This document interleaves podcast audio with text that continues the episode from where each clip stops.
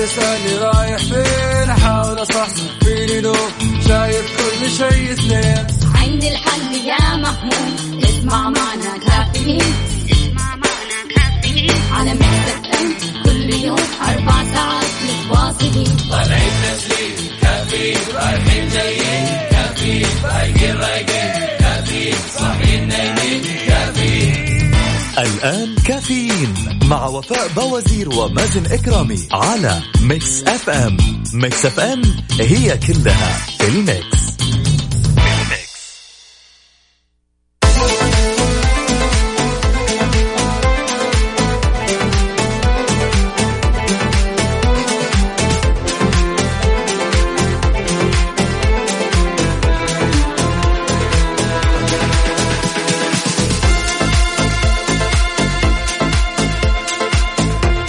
يسعد لي صباحكم. سمعنا كرام واهلا وسهلا في الجميع. صباحكم سعيد صباحكم الأحد الجميل.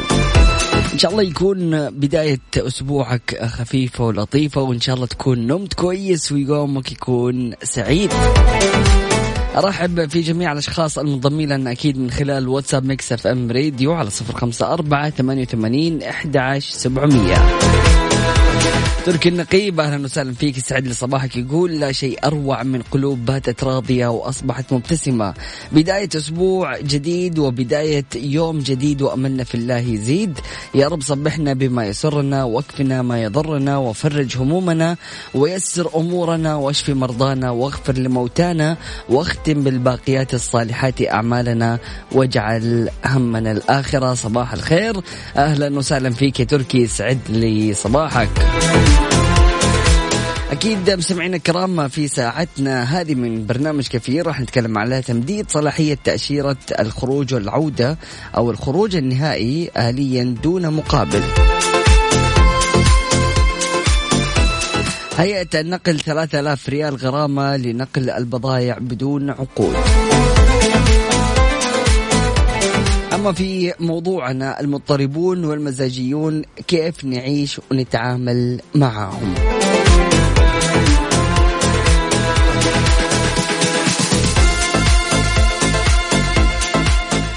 صباح الخير مازن أسبوع جميل. يا رب عمر الكرام يا أهلا وسهلا. هلا والله بالحبيب هلا والله بولد العم يسعد لي صباحك وإن شاء الله يومك يكون لطيف يا حبيب قلبي. هلا والله هلا والله. طيب كن شاكرا ما دمت حيا واعلم بأن الدنيا أيام تدور وقل دائما الحمد لله تعش دائما في سرور. اللهم اجعلنا شاكرين لنعمتك مقدر أراضين بقضائك متلذذين بذكرك وطامعين برضاك. اللهم إنا نسألك أياما مبشرة وهموما راحلة وقلوبا مطمئنة. اللهم آمين. صباح الخير. آه، وفاء ومازن ومستمعي كافيين. أهلا وسهلا فيك. يا ام صلاح يسعد لي صباحك وإن شاء الله يومك يكون لطيف. أبو عبد الملك هلا بالحبيب الغالي. يسعد لي صباحك يقول صباح الخير والمسرات وفاء ومازن والسادة المستمعين. هلا بالحبيب الغالي. يسعد لي صباحك. سمعنا الكرام هذا فاصل بسيط ومن بعد متواصلين. لا تروح البعيد و stay tuned. كافيين مع وفاء بوازير ومازن إكرامي على Mix FM Mix FM هي كلها ال mix. هذه الساعة برعاية McCoffee من ماكدونالدز.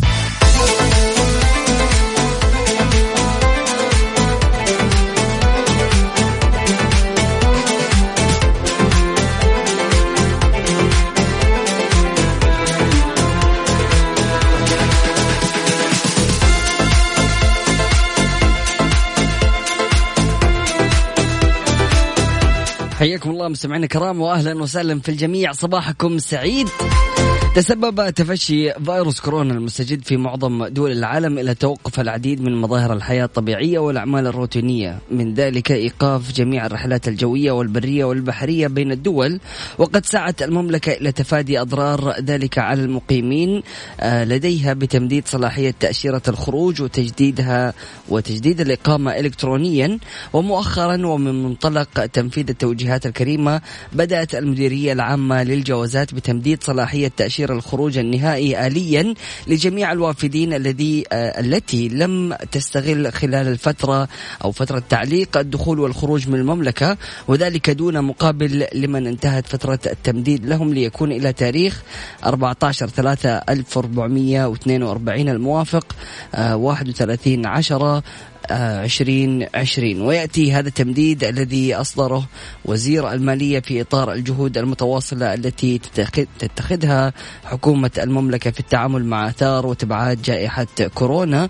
وضمن الإجراءات الاحترازية والتدابير الوقائية التي تضمن سلامة المواطنين والمقيمين وتسهم في تخفيف من الآثار الاقتصادية والمالية كما أشارت الجوازات إلى أن تمديد صلاحية تأشيرة الخروج النهائي للوافدين تم إلكترونيا بالتعاون مع مركز المعلومات الوطني من خلال النظام الآلي دون مراجعة مقار إدارة الجوازات حيث بلغت عدد عدد التأشيرات التي تم تجديدها 28884 تأشيرة.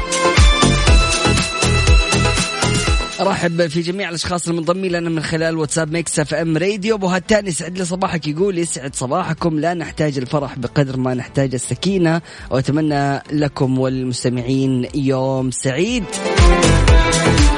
أخصائية السعادة سماوات أهلا وسهلا فيك. يسعد لي صباحك. بتقول صباح بداية أسبوع مليئة بالإنجاز. همسة اليوم كل لحظة هي بداية جديدة.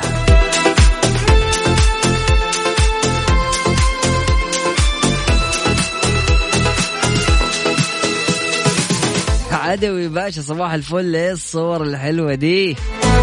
يقول صباح الهنا والسرور والورد المنثور على أحلى إذاعة وأحلى مازن ووفاء صباح النشاط والحيوية والسعادة بوجودي على Mix FM. هلا بالحبيب الغالي يسعد لي صباحك. صديقة كافيين ليلى أهلا وسهلا فيك. يسعد لي صباحك بتقول أسعد الله صباحكم كافيين الجميل والمميز. بداية يوم سعيد لجميع مستمعين Mix FM ودوام بكل نشاط لكل المداومين. يسعد صباحكم. خالد يقول إذن معاكم وإذن مع ال Blackboard. هلا بالحبيب. خالد يسعد لي صباحك والله يا خالد ركز في دروسك. وأكيد تقدروا تشاركونا من خلال واتساب Mix FM Radio على صفر خمسة أربعة ثمانية وثمانين أحد عشر سبعمية. أيضا من خلال تويتر على at Mix FM Radio.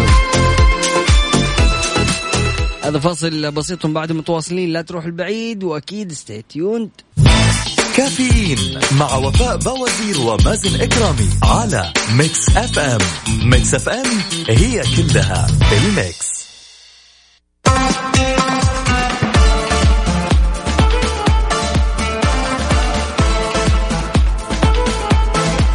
حياكم الله مستمعينا الكرام واهلا وسهلا في الجميع. صباحكم سعيد.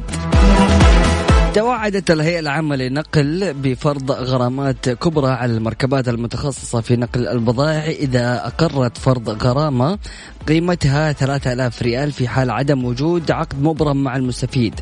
فيما ستفرض غرامة قيمتها 5000 ريال عند التعاقد مع مركبة غير مسجلة في السعودية للنقل الداخلي أو لبلد غير مسجلة بها دون أخذ الموافقات و1000 ريال عند عدم تمكين المستفيد من التقييم أو عدم تعيين شخص مسؤول أو مفوض للتواصل مع الهيئة والغرامة ذاتها عند عدم إظهار نتائج التقييم للمستفيد. أما فيما يختص بعدم وضع سياسة واضحة للأسعار أو عدم إشعار الهيئة بتغييرها فستطبق غرامة قيمتها 2000 ريال. وحددت الهيئة غرامة عد غرامات عدة قيمتها 5000 ريال ممثلة في ممارسة النشاط دون ترخيص أو تقديم الخدمة لبائع غير مسموح بها. وأيضا توجيه المركبة للنقل البضائع الممنوعة أو عدم ربط النظام التقني بمنصة الهيئة أو التنازل عن الترخيص دون موافقة الهيئة. سمعنا الكرام بعد الفاصل المضطربون والمزاجيون كيف نعيش معاهم هذا فاصل بسيط بعد متواصلين لا تروح البعيد و stay tuned هذه الساعة برعاية McCoffee من ماكدونالدز.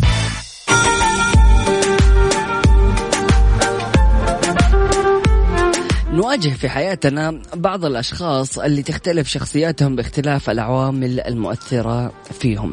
هذا الموضوع اللي صراحة يحتم علينا ضرورة معرفة أساليب التعامل معهم لا سيما الشخصية الحدية أو التي تعاني من الانفعالات النفسية المتكررة والتي تستدعي منا الهدوء وقدرة على امتصاص الغضب وتهيئة الأجواء المناسبة لها مع ضرورة تجاهل المطالب التي تسببت بهذا الانفعال.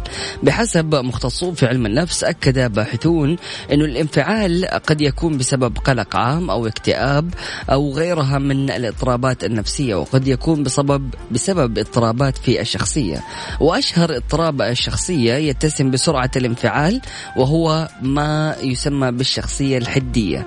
أبرز ما يميز هذه الشخصية الانفعالية هو تقلب المزاج والاندفاعية في اتخاذ القرارات والتهور في التصرفات.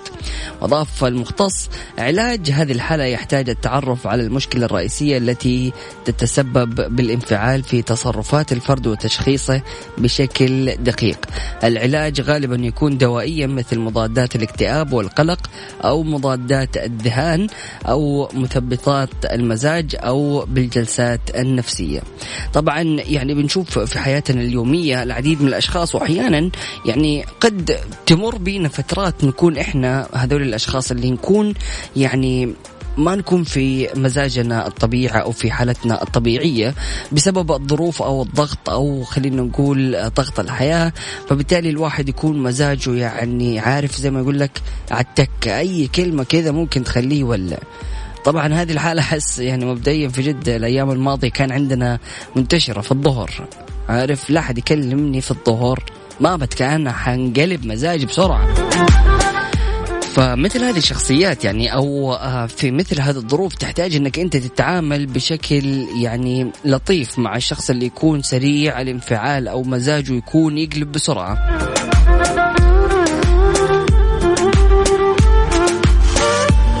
صراحة يعني لما تجي تشوف الموضوع إنه أنا أنا مع دائما يعني إذا كان في شخص مزاجه بيقلب بشكل سريع دائما أول حاجة أقول له إنه أنت يا أخي حط نفسك مكان الناس اللي بتتعامل معاهم.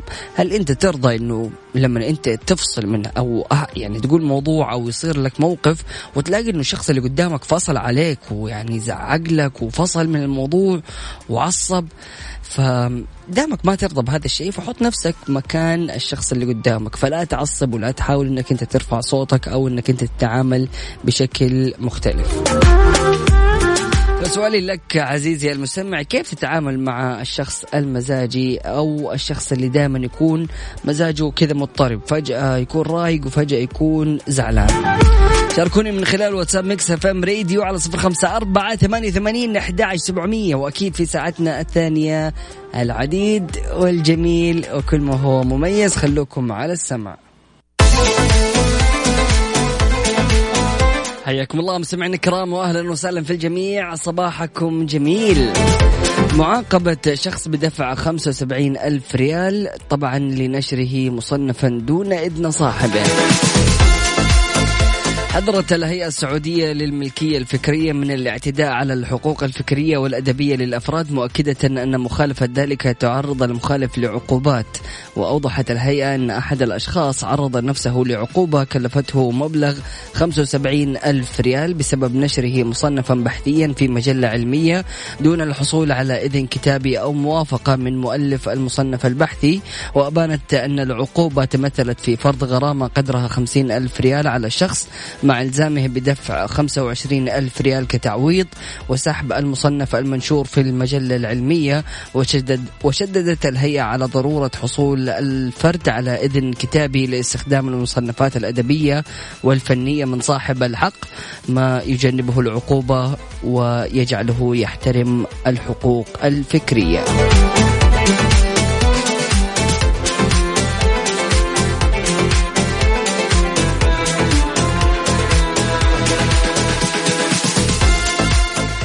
سمعنا الكرام في حال التفويض بقيادة المركبة هل يلزم بسداد المخالفات؟ المرور يجيب لكن بعد الفاصل.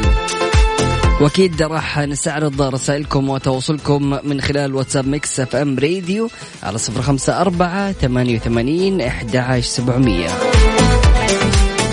فاصل بسيط بعد متواصلين لا تروحوا البعيد و stay tuned. كافيين مع وفاء بوازير ومازن إكرامي على Mix FM Mix FM هي كلها الميكس. زهير وسيف أهلا وسهلا فيك يسعد لي صباحك. وبالنسبة للموضوع يعني إن شاء الله بإذن الله يوم من الأيام يعني أنت بس كذا إيش حيلك وإن شاء الله نجيك. أما بالنسبة للجزء الثاني فإن شاء الله رسالتك راح توصل لمسؤول الموسيقى عندنا ويشوف الرسالة.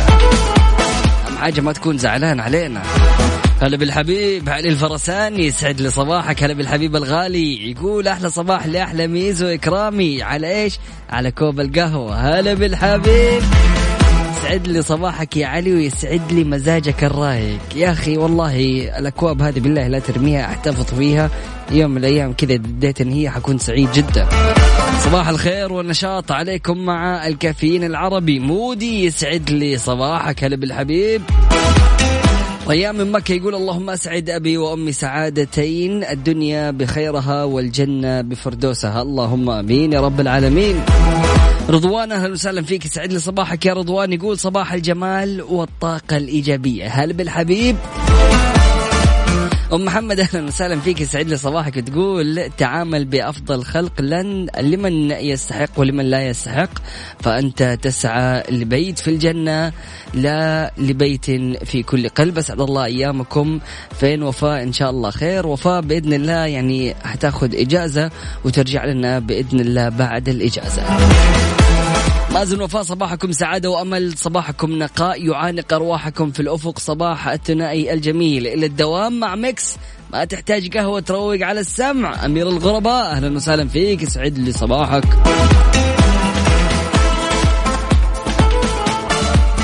ماجد أهلا وسهلا فيك يسعد لي صباحك. إيش الرسالة هذه يا ابويا أقول لك.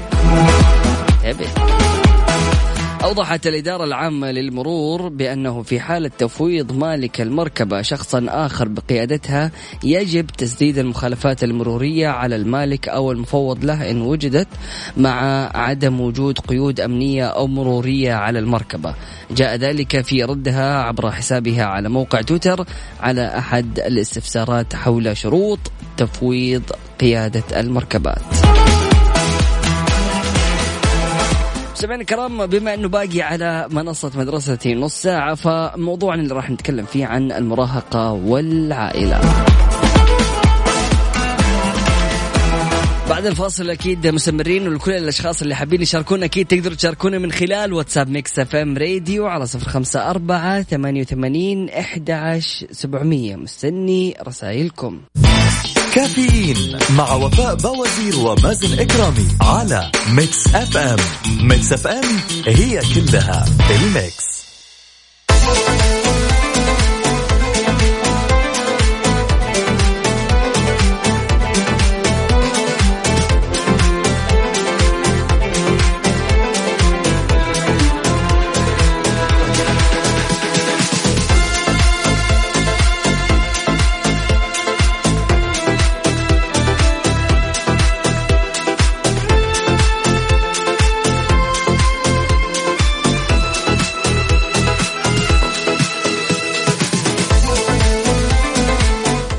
حياكم الله مستمعينا الكرام واهلا وسهلا في الجميع. ما قد حسيت كذا يعني بعد ما الوالد يعني رباك وعلمك وكبرك وكنت دائما تشوف إنه طريقة تربيته تربية خاطئة وما هي هي التربية الصحيحة وأنا إذا كان عندي أطفال راح أتعامل معهم بشكل مختلف. لكن بمجرد إنك أنت توصل لمرحلة إنه أنت تصير أب وتشوف كيف أبنائك بيتعاملوا فتلجأ إلى الأساليب اللي كان أبوك بيتبعها عشان تقول إنه هذه هي الطريقة السليمة اللي لازم يتربوا فيها العيال زي ما أنا اتربيت. يعني أنا أشوف إنه هذا الشيء يعني منتشر وفي يعني آه، ظواهر بتسمى على هذا العملية أو هذا الشيء اللي بيصير. إنه شخص مثلا بيكون في يوم من الأيام المدرسين صاروا قاسين عليه. فيقول خلال الفترة هذه إنه أنا لو كنت مثلا مدرس أو معلم ما راح أتعامل مع طلابي بمثل هذا التعامل. لكن بمجرد إنه هو يصير دكتور أو أستاذ أو معلم يتبع نفس الخطوات أو الطرق اللي هو تعلمها أو الطرق القاسية اللي هو كان عايشها. فلما يجي يدرس فيقول إنه يعني خلاص حينسى الشعور اللي كان عايشه إنه شعور الإحباط أو الزعل اللي كان بيقول في يوم من الأيام أنا راح أغير أسلوبي إذا كنت أستاذ ويصل لمرحلة إنه خلاص اللي يفتكره يفتكر القسوة أو يفتكر كيف كان المدرسين بيتعاملوا معاه في في أيام الدراسة. فبالتالي يحاول يطبق نفس هذا الأسلوب عشان عشان يشوف إنه هذا الأسلوب هو الأنسب والأفضل. هذا صراحة يعني من الأشياء اللي تصير مع أغلب الناس.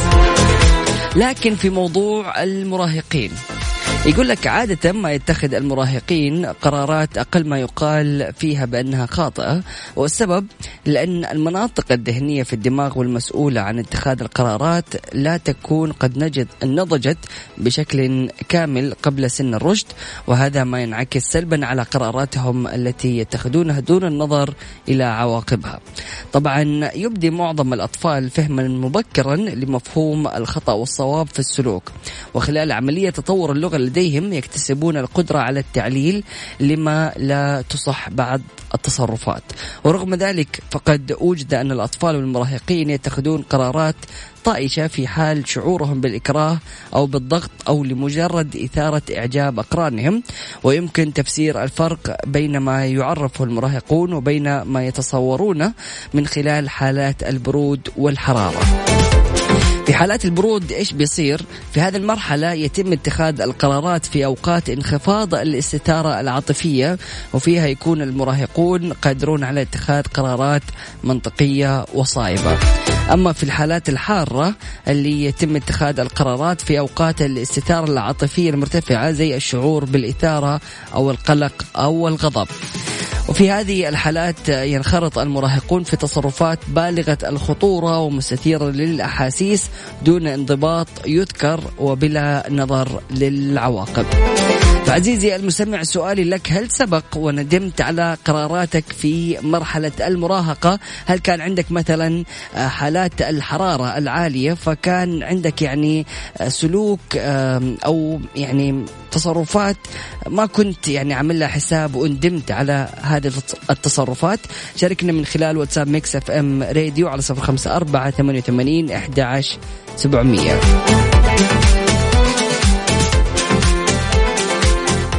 هذا فاصل بسيط بعد متواصلين. لا تروح البعيد و stay tuned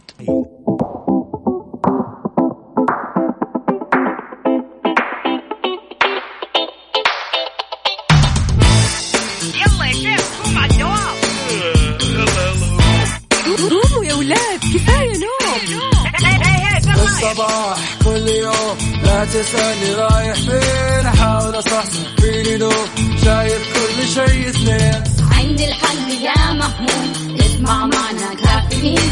اسمع معنا كافيين. على مكتب كل يوم أربع ساعات متواصلين. طالعين تسليم. كافيين رايحين جايين. كافيين رايقين رايقين كافيين صاحيين نايمين. كافيين.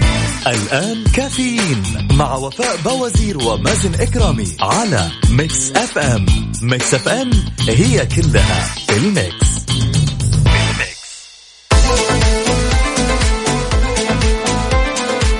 حياكم الله مستمعينا الكرام واهلا وسهلا في الجميع. صباحكم سعيد وإن شاء الله يكون يومكم لطيف.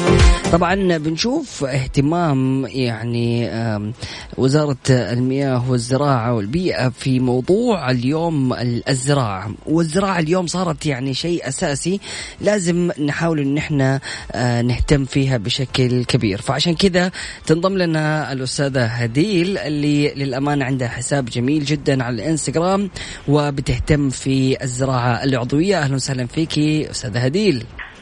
أهلين أستاذ مازن. حياك الله أول شيء حابة أشكر إذاعة Mix FM وأستاذ مازن مازن على استضافتي لي في البرنامج الجميل. الله يحفظك يا رب وسعيدين جدا بانضمامك وتواجدك. أول حاجة أستاذ هديل يعني يوم الجمعة كان عندك حملة تبادل الزراعات العضوية. حكينا شوية عن هذه الحملة. آه طبعا أنا سويت آه زي حملة جميلة.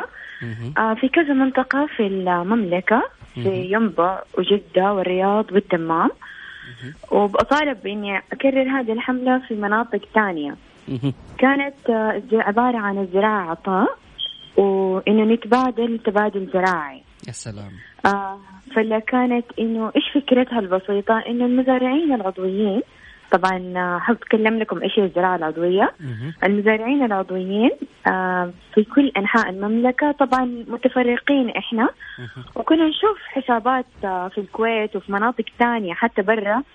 دائما يسووا لهم زي جمعات حقت المزارعين يتبادلوا شتلات يتبادلوا بذور بذور نوعية جيدة. جميل. كان جدا جميل إني مثلا آخذ شتلة أو زرعة من صديقة لي وأكملها عندي وتعيش عندي وأجمع بذورها. يعني كان شيء جدا جميل. وغير كذا في نفس الحملة هذه اللي سويتها وزعنا على المتواجدين في نفس المنطقة بذور وشتلات. كانت جدا رائعة. يعني في ناس ما كانت تزرع بدأت تزرع. وبيرسلوا لي صور إنه شفتي ها البذور اللي أعطيتينا هي ولا وزعتونا هي يعطيكم العافية حنبدأ نحطها في التربة. الله. يعني إحساس مرة جميل. فعليا أنا شفت الصندوق اللي بيكون فيه له آه، الشتلات والزرعات والبذور. يعني ما شاء الله تبارك الله مستوى عالي جدا ويعني فعلا آه، بداية محمسة جدا لكل الأشخاص اللي حابين ان هم يدخلوا هذا المجال. فخلينا نتكلم شوية عن مجال الزراعة العضوي. يعني من إيش تكون وكيف بدأ اهتمامك فيه؟ طيب آه، أول شيء من أنا صغيرة كنت مرة أحب الزرع. والدتي يعني كانت تخليني أجيب زرعات بس كانت عندها اهم شيء الزرعه ما تقعد في الغرفة من أيوه. مبدأ إنها تسحب الأكسجين. أوكي. فلهذا المبدأ أوكي عند والدتي هذا المبدأ بس بدراسات إنه إذا نام معك شخص ثاني في الغرفة بيسحب أكسجين أعلى من نسبة سحب الزرع للأكسجين. اسحب بس بنسبة 10% فقط. مو الزرع هو المفروض أنه هو ياخذ ثاني أكسيد الكربون ويطلع الأكسجين بدل ما يعني يستهلك الأكسجين؟ بالضبط. لكن في الليل يسحب شوية من الأكسجين.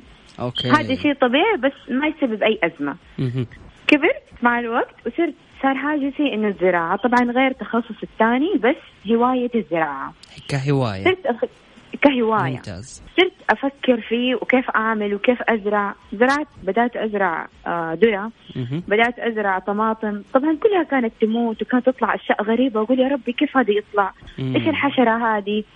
طبعا ما كنت بستخدم كيماويات أوكي. ابدا عشان كذا هي زراعة عضوية تماما الزراعة العضوية ما تستخدم فيها أي مبيدات كيماوية يعني إحنا الأشياء اللي بناكلها أو بتجي من السوق يعني فيها كمية مبيدات و chemicals بطريقة جدا عالية مم. وممكن هذا السبب في ارتفاع السرطان يا لطيفة عند الجميع مم. يعني عند كثير ارتفعت النسبة مم.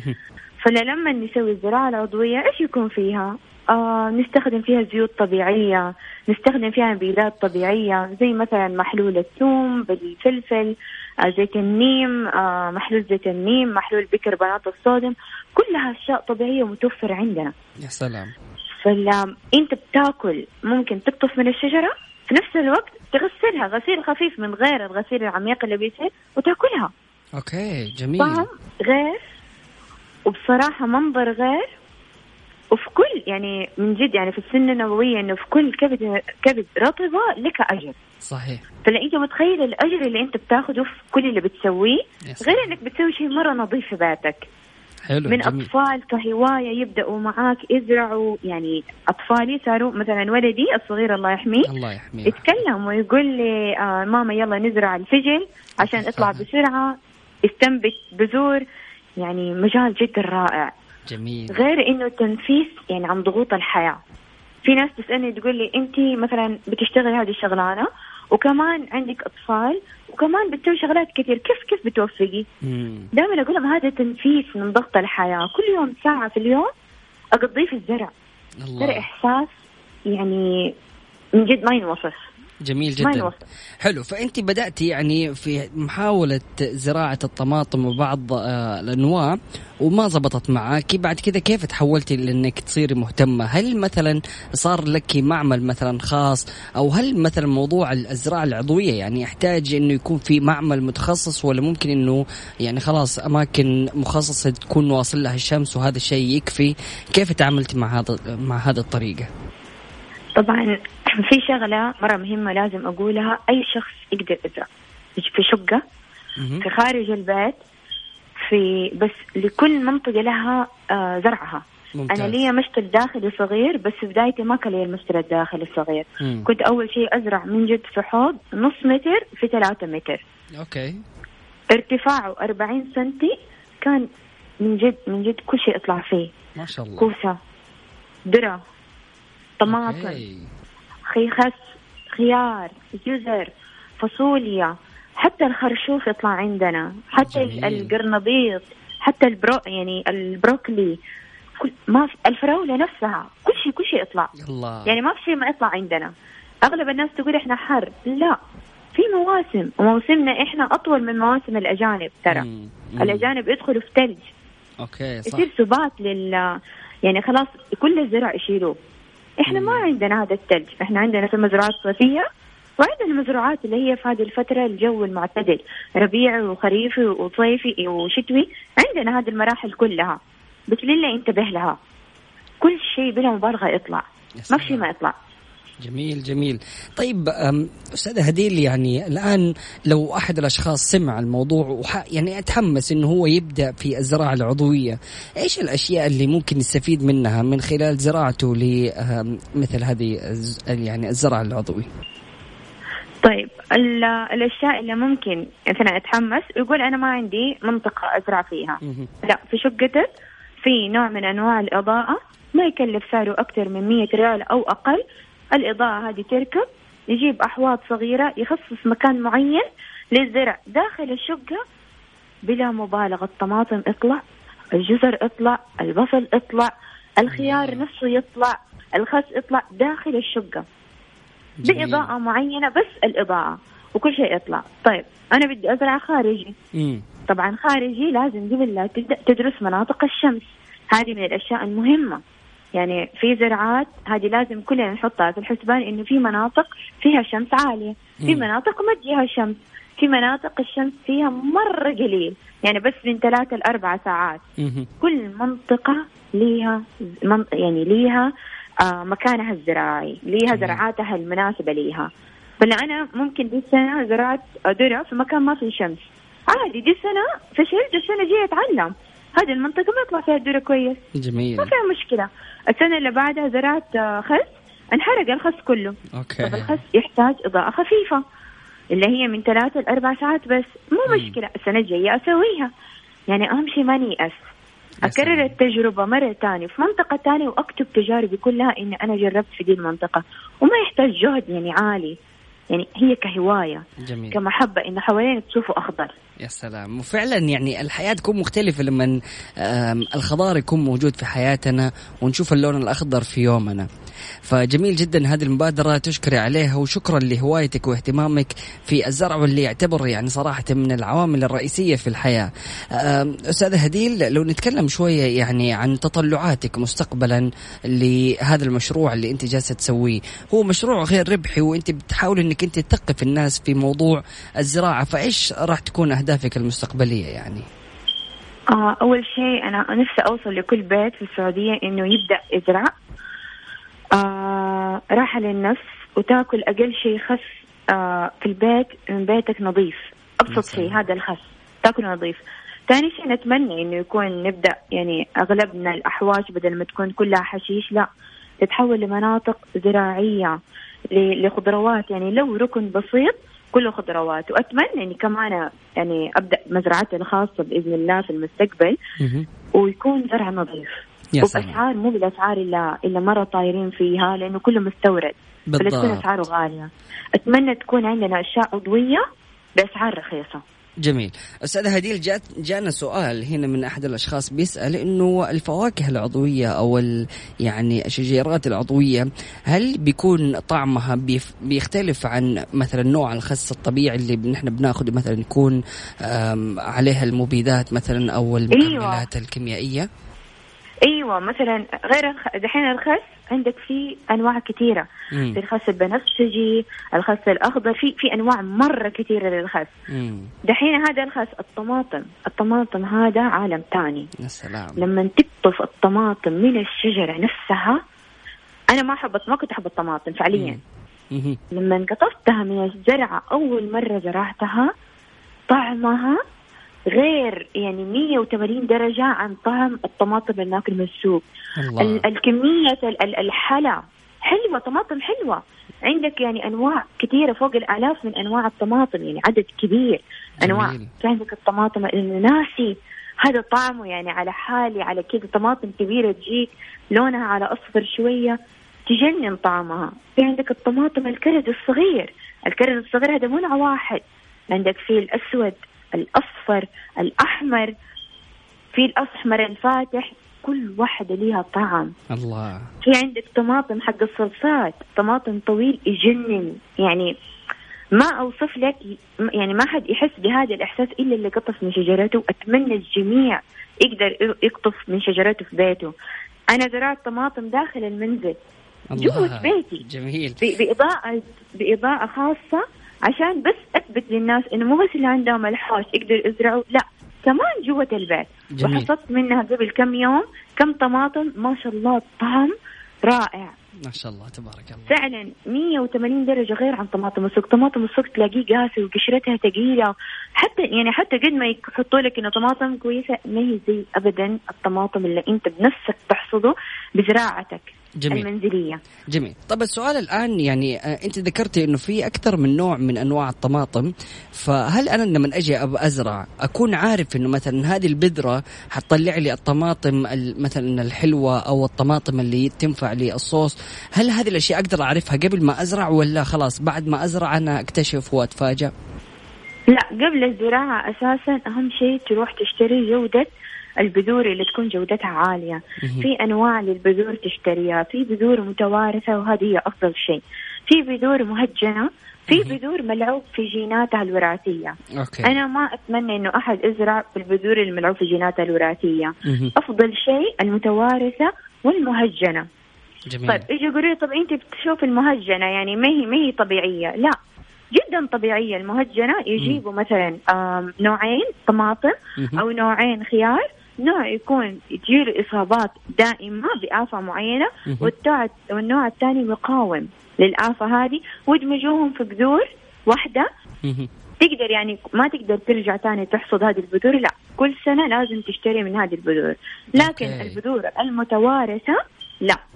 جيل بعد جيل تقدر تحصد ويكون مكتوب اسمها ونوعها ومتى حصادها وفين مكان حصادها وحتى طرق زراعتها تكون موجودة على نفس الورقة. والبذور الوراثية يعني حتى أقدر أستخدم مثلا البذور اللي تطلع لي إني أزرع فيها مرة ثانية؟ نعم تقدر تزرعها مرة ثانية سنة بعد سنة لكن في يعني شرط مهم إنك لو تبى تستخدم هذه البذور مثلا في الطماطم لو تبى تستخدم هذه البذور السنة الجاية تمسك واحد عنقود من العناقيد الطماطم قبل لا تبدأ الورود تتفتح تقفله بشاش معين أو قماش مرة خفيف وإنت تسوي التلقيح الذاتي للطماطم بهزه خفيفة على فرع الطماطم حتى تضمن إنه هذا نوع الطماطم لهذه الزرعة وهذه هي بذورها حتى ما يصير إنه تلقيح من نباتات ثانية إنه مثلا ما تجي نوع الطماطم الثاني جيناتها تدخل في نوع الطماطم اللي إنت تبغاه في السنة نفسه تزرعه ومن هذه الطماطم تطلع لك يعني فوق 100 بذره ما شاء الله لا قوة إلا بالله. تبارك الله. جميل. طيب رسائل جديدة آه، رسائل جميلة جدا وعديدة. ما شاء الله تبارك الله على الدكتورة هديل واهتمامها الجميل. الله يوفقها ونشهد على روعتها. وفقها الله تحياتي أم صلاح. وعندنا رسالة ثانية. آه، سؤال يقول هل الشمس القوية تأثر على الأشياء اللي بنزرعها؟ يعطيكم العافية على الكلام الجميل لكن الشمس القوية لها زرعها الخاص. مم. يعني مثلا في الصيف تزرع بطيخ تزرع قرعيات تزرع أنواع معينة من الزرع ما يأثر فيه ولا ربع تأثير. يعني أنا عندي حتى عندي صور زرعة بطيخ في عز الصيف حاصده انواع بطيخ أصفر وأحمر وبإذن الله السنة القادمة حيكون بطيخ أبيض كمان. الله. يعني في ألوان مختلفة للبطيخ. يعني لسه أنا لسه. بقول لك كيف الأصفر فأنت بتقولي لي الأبيض. هنا في السؤال وفي يعني. برتقالي كمان. أوه أوكي. يعني وكل واحد أحلى من الثاني. الله جميل. يعني إحنا حصدناها صغيرة لكنها أنت متخيل إنه حتى ال- الأبيض اللي في البطيخ كان جدا لين لدرجه انك تقدر تاكله. مم. يعني ولد الصغير قرطه معاه وحلو. الله. حلو. جميل. لهذه الدرجة متعة الزراعه ال- ال- ال- المنزلية إنك حتى لما تحصد الشيء جميل وطعم. ال- ال- الشمس مثلا للذره إحنا نحتاج للطماطم. مم. في هذا الوقت من السنة هو بداية الموسم الزراعي العروة الأولى. تزرع الطماطم في منطقة مشمسة تحتاج من 8 ساعات وأكثر. الذرة تحتاج 8 ساعات وأكثر. الفراولة تحتاج 8 ساعات وأكثر. الله. جميل أغلب جدا المزروعات دحين تحتاج. الورقيات؟ لا. نطالع في الحوش فين منطقة جيها. الشمس ثلاث ساعات في اليوم إلى أربع ساعات. نزرع فيها الورقيات. ممتاز. جميل جدا. شكرا. منطقة لها زرعها. جميل. ممتاز. شكرا جزيلا لك أستاذة هديل. سعيد جدا بهذه الاستضافة. وإن شاء الله ما تكون الأولى والأخيرة بإذن الله نكون مستمرين دائما. وتدينا يعني مواضيع مهمة في الزراعة العضوية. كلمه اخيره حابة تقدميها؟ أنا بس أتمنى آه، يعني من آه، وزارة الزراعة إنها تسمح لنا نسوي شغلة جميلة. مهم. نسوي زي سوق للمزارعين العضويين يكون أقل شيء مرة في يا سلام. مرتين في السنة. حتى نحفز هذه ال- ال- ال- العادة الجميلة للجميع والجميع يتحف يعني يصير يبغى يزرع أكثر ونتداول بيننا وبين بعض شغلات آه عضوية جميلة بسعر مناسب للجميع بصراحة. هذه الشغلة الوحيدة اللي أتمناها من وزارة الزراعة إنها تسمح لنا بها. لأن كلنا هو وما إحنا ما عندنا الهندسة. جميل. لكن هاويين للزراعة العضوية.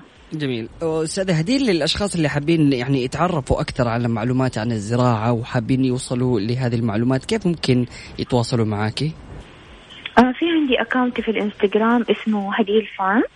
وفي ما شاء الله أكاونتات آه، ما شاء الله مزارعات كثير سعوديات وأجانب جدا جميلة. بس أنا عندكم ال account حقي هديل فارم تقدروا تضيفوني فيه. وأنا أجاوب على الجميع يعني حتى لو تأخرت من كثرة الأسئلة لكن أجاوب على الجميع يعطيك الله. ألف عافية وشكرا جزيلا على تواجدك وعلى إجاباتك لهذه الأسئلة ويعطيك ألف عافية على معلوماتك. يعطيكم العافية. في أمان الله. سمعنا الكرام فاصل بسيط بعد متواصلين. لا تروح البعيد و stay tuned كانت معنا الأستاذة هديل فارم طبعا آه، هاوية الزراعة العضوية. كافيين مع وفاء بوازير ومازن إكرامي على Mix FM. Mix FM هي كلها ال mix.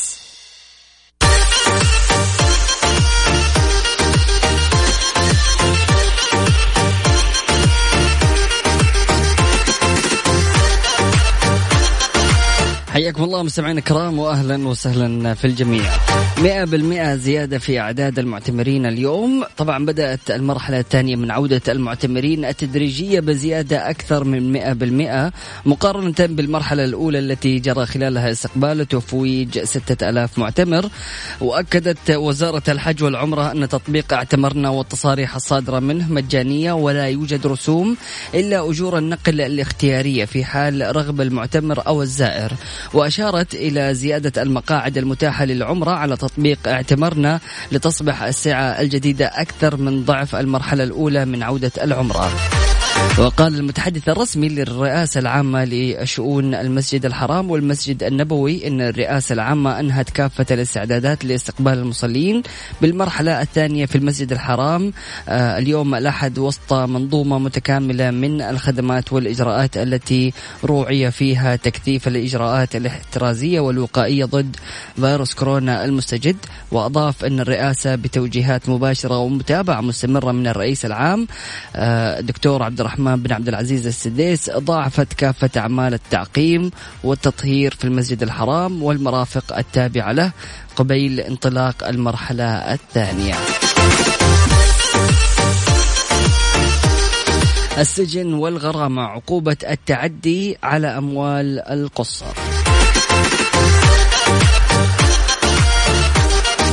أكدت النيابة العامة على عقوبة السجن 30 يوما وغرامة تصل إلى 100 ريال للتعدي على أموال القصر ومخالفة نظام الهيئة العامة على القاصرين وقالت إنه لا يجوز لأي من الورثة أو غيرهم أو شركاء المتوفي التصرف في أموال التركة أو المال المشترك اعتبارا من تاريخ الوفاة وحتى حصر الهيئة العامة للولاية على أموال القاصرين ومن في حكمهم لهذه الأموال. كما يعد باطلا كل تصرف يتم خلال هذه الفترة بغير إذن كتابي من الجهة المختصة في الهيئة على أن يتم حصر التركة خلال ثلاثة أشهر من تاريخ إبلاغ الهيئة بالوفاة مع مراعاة مبادرة الهيئة باتخاذ الإجراءات اللازمة فيما يتصل بالاحتياج بالاحتياجات المعيشية والمسائل الضرورية في هذا الشأن. ويأتي ذلك من أجل توفير الحماية الجنائية لأموال القاصرين ومن في حكمهم ووفق المادة الأولى من من نظام الهيئة العامة للولاية على أموال القاصرين ومن في حكمهم.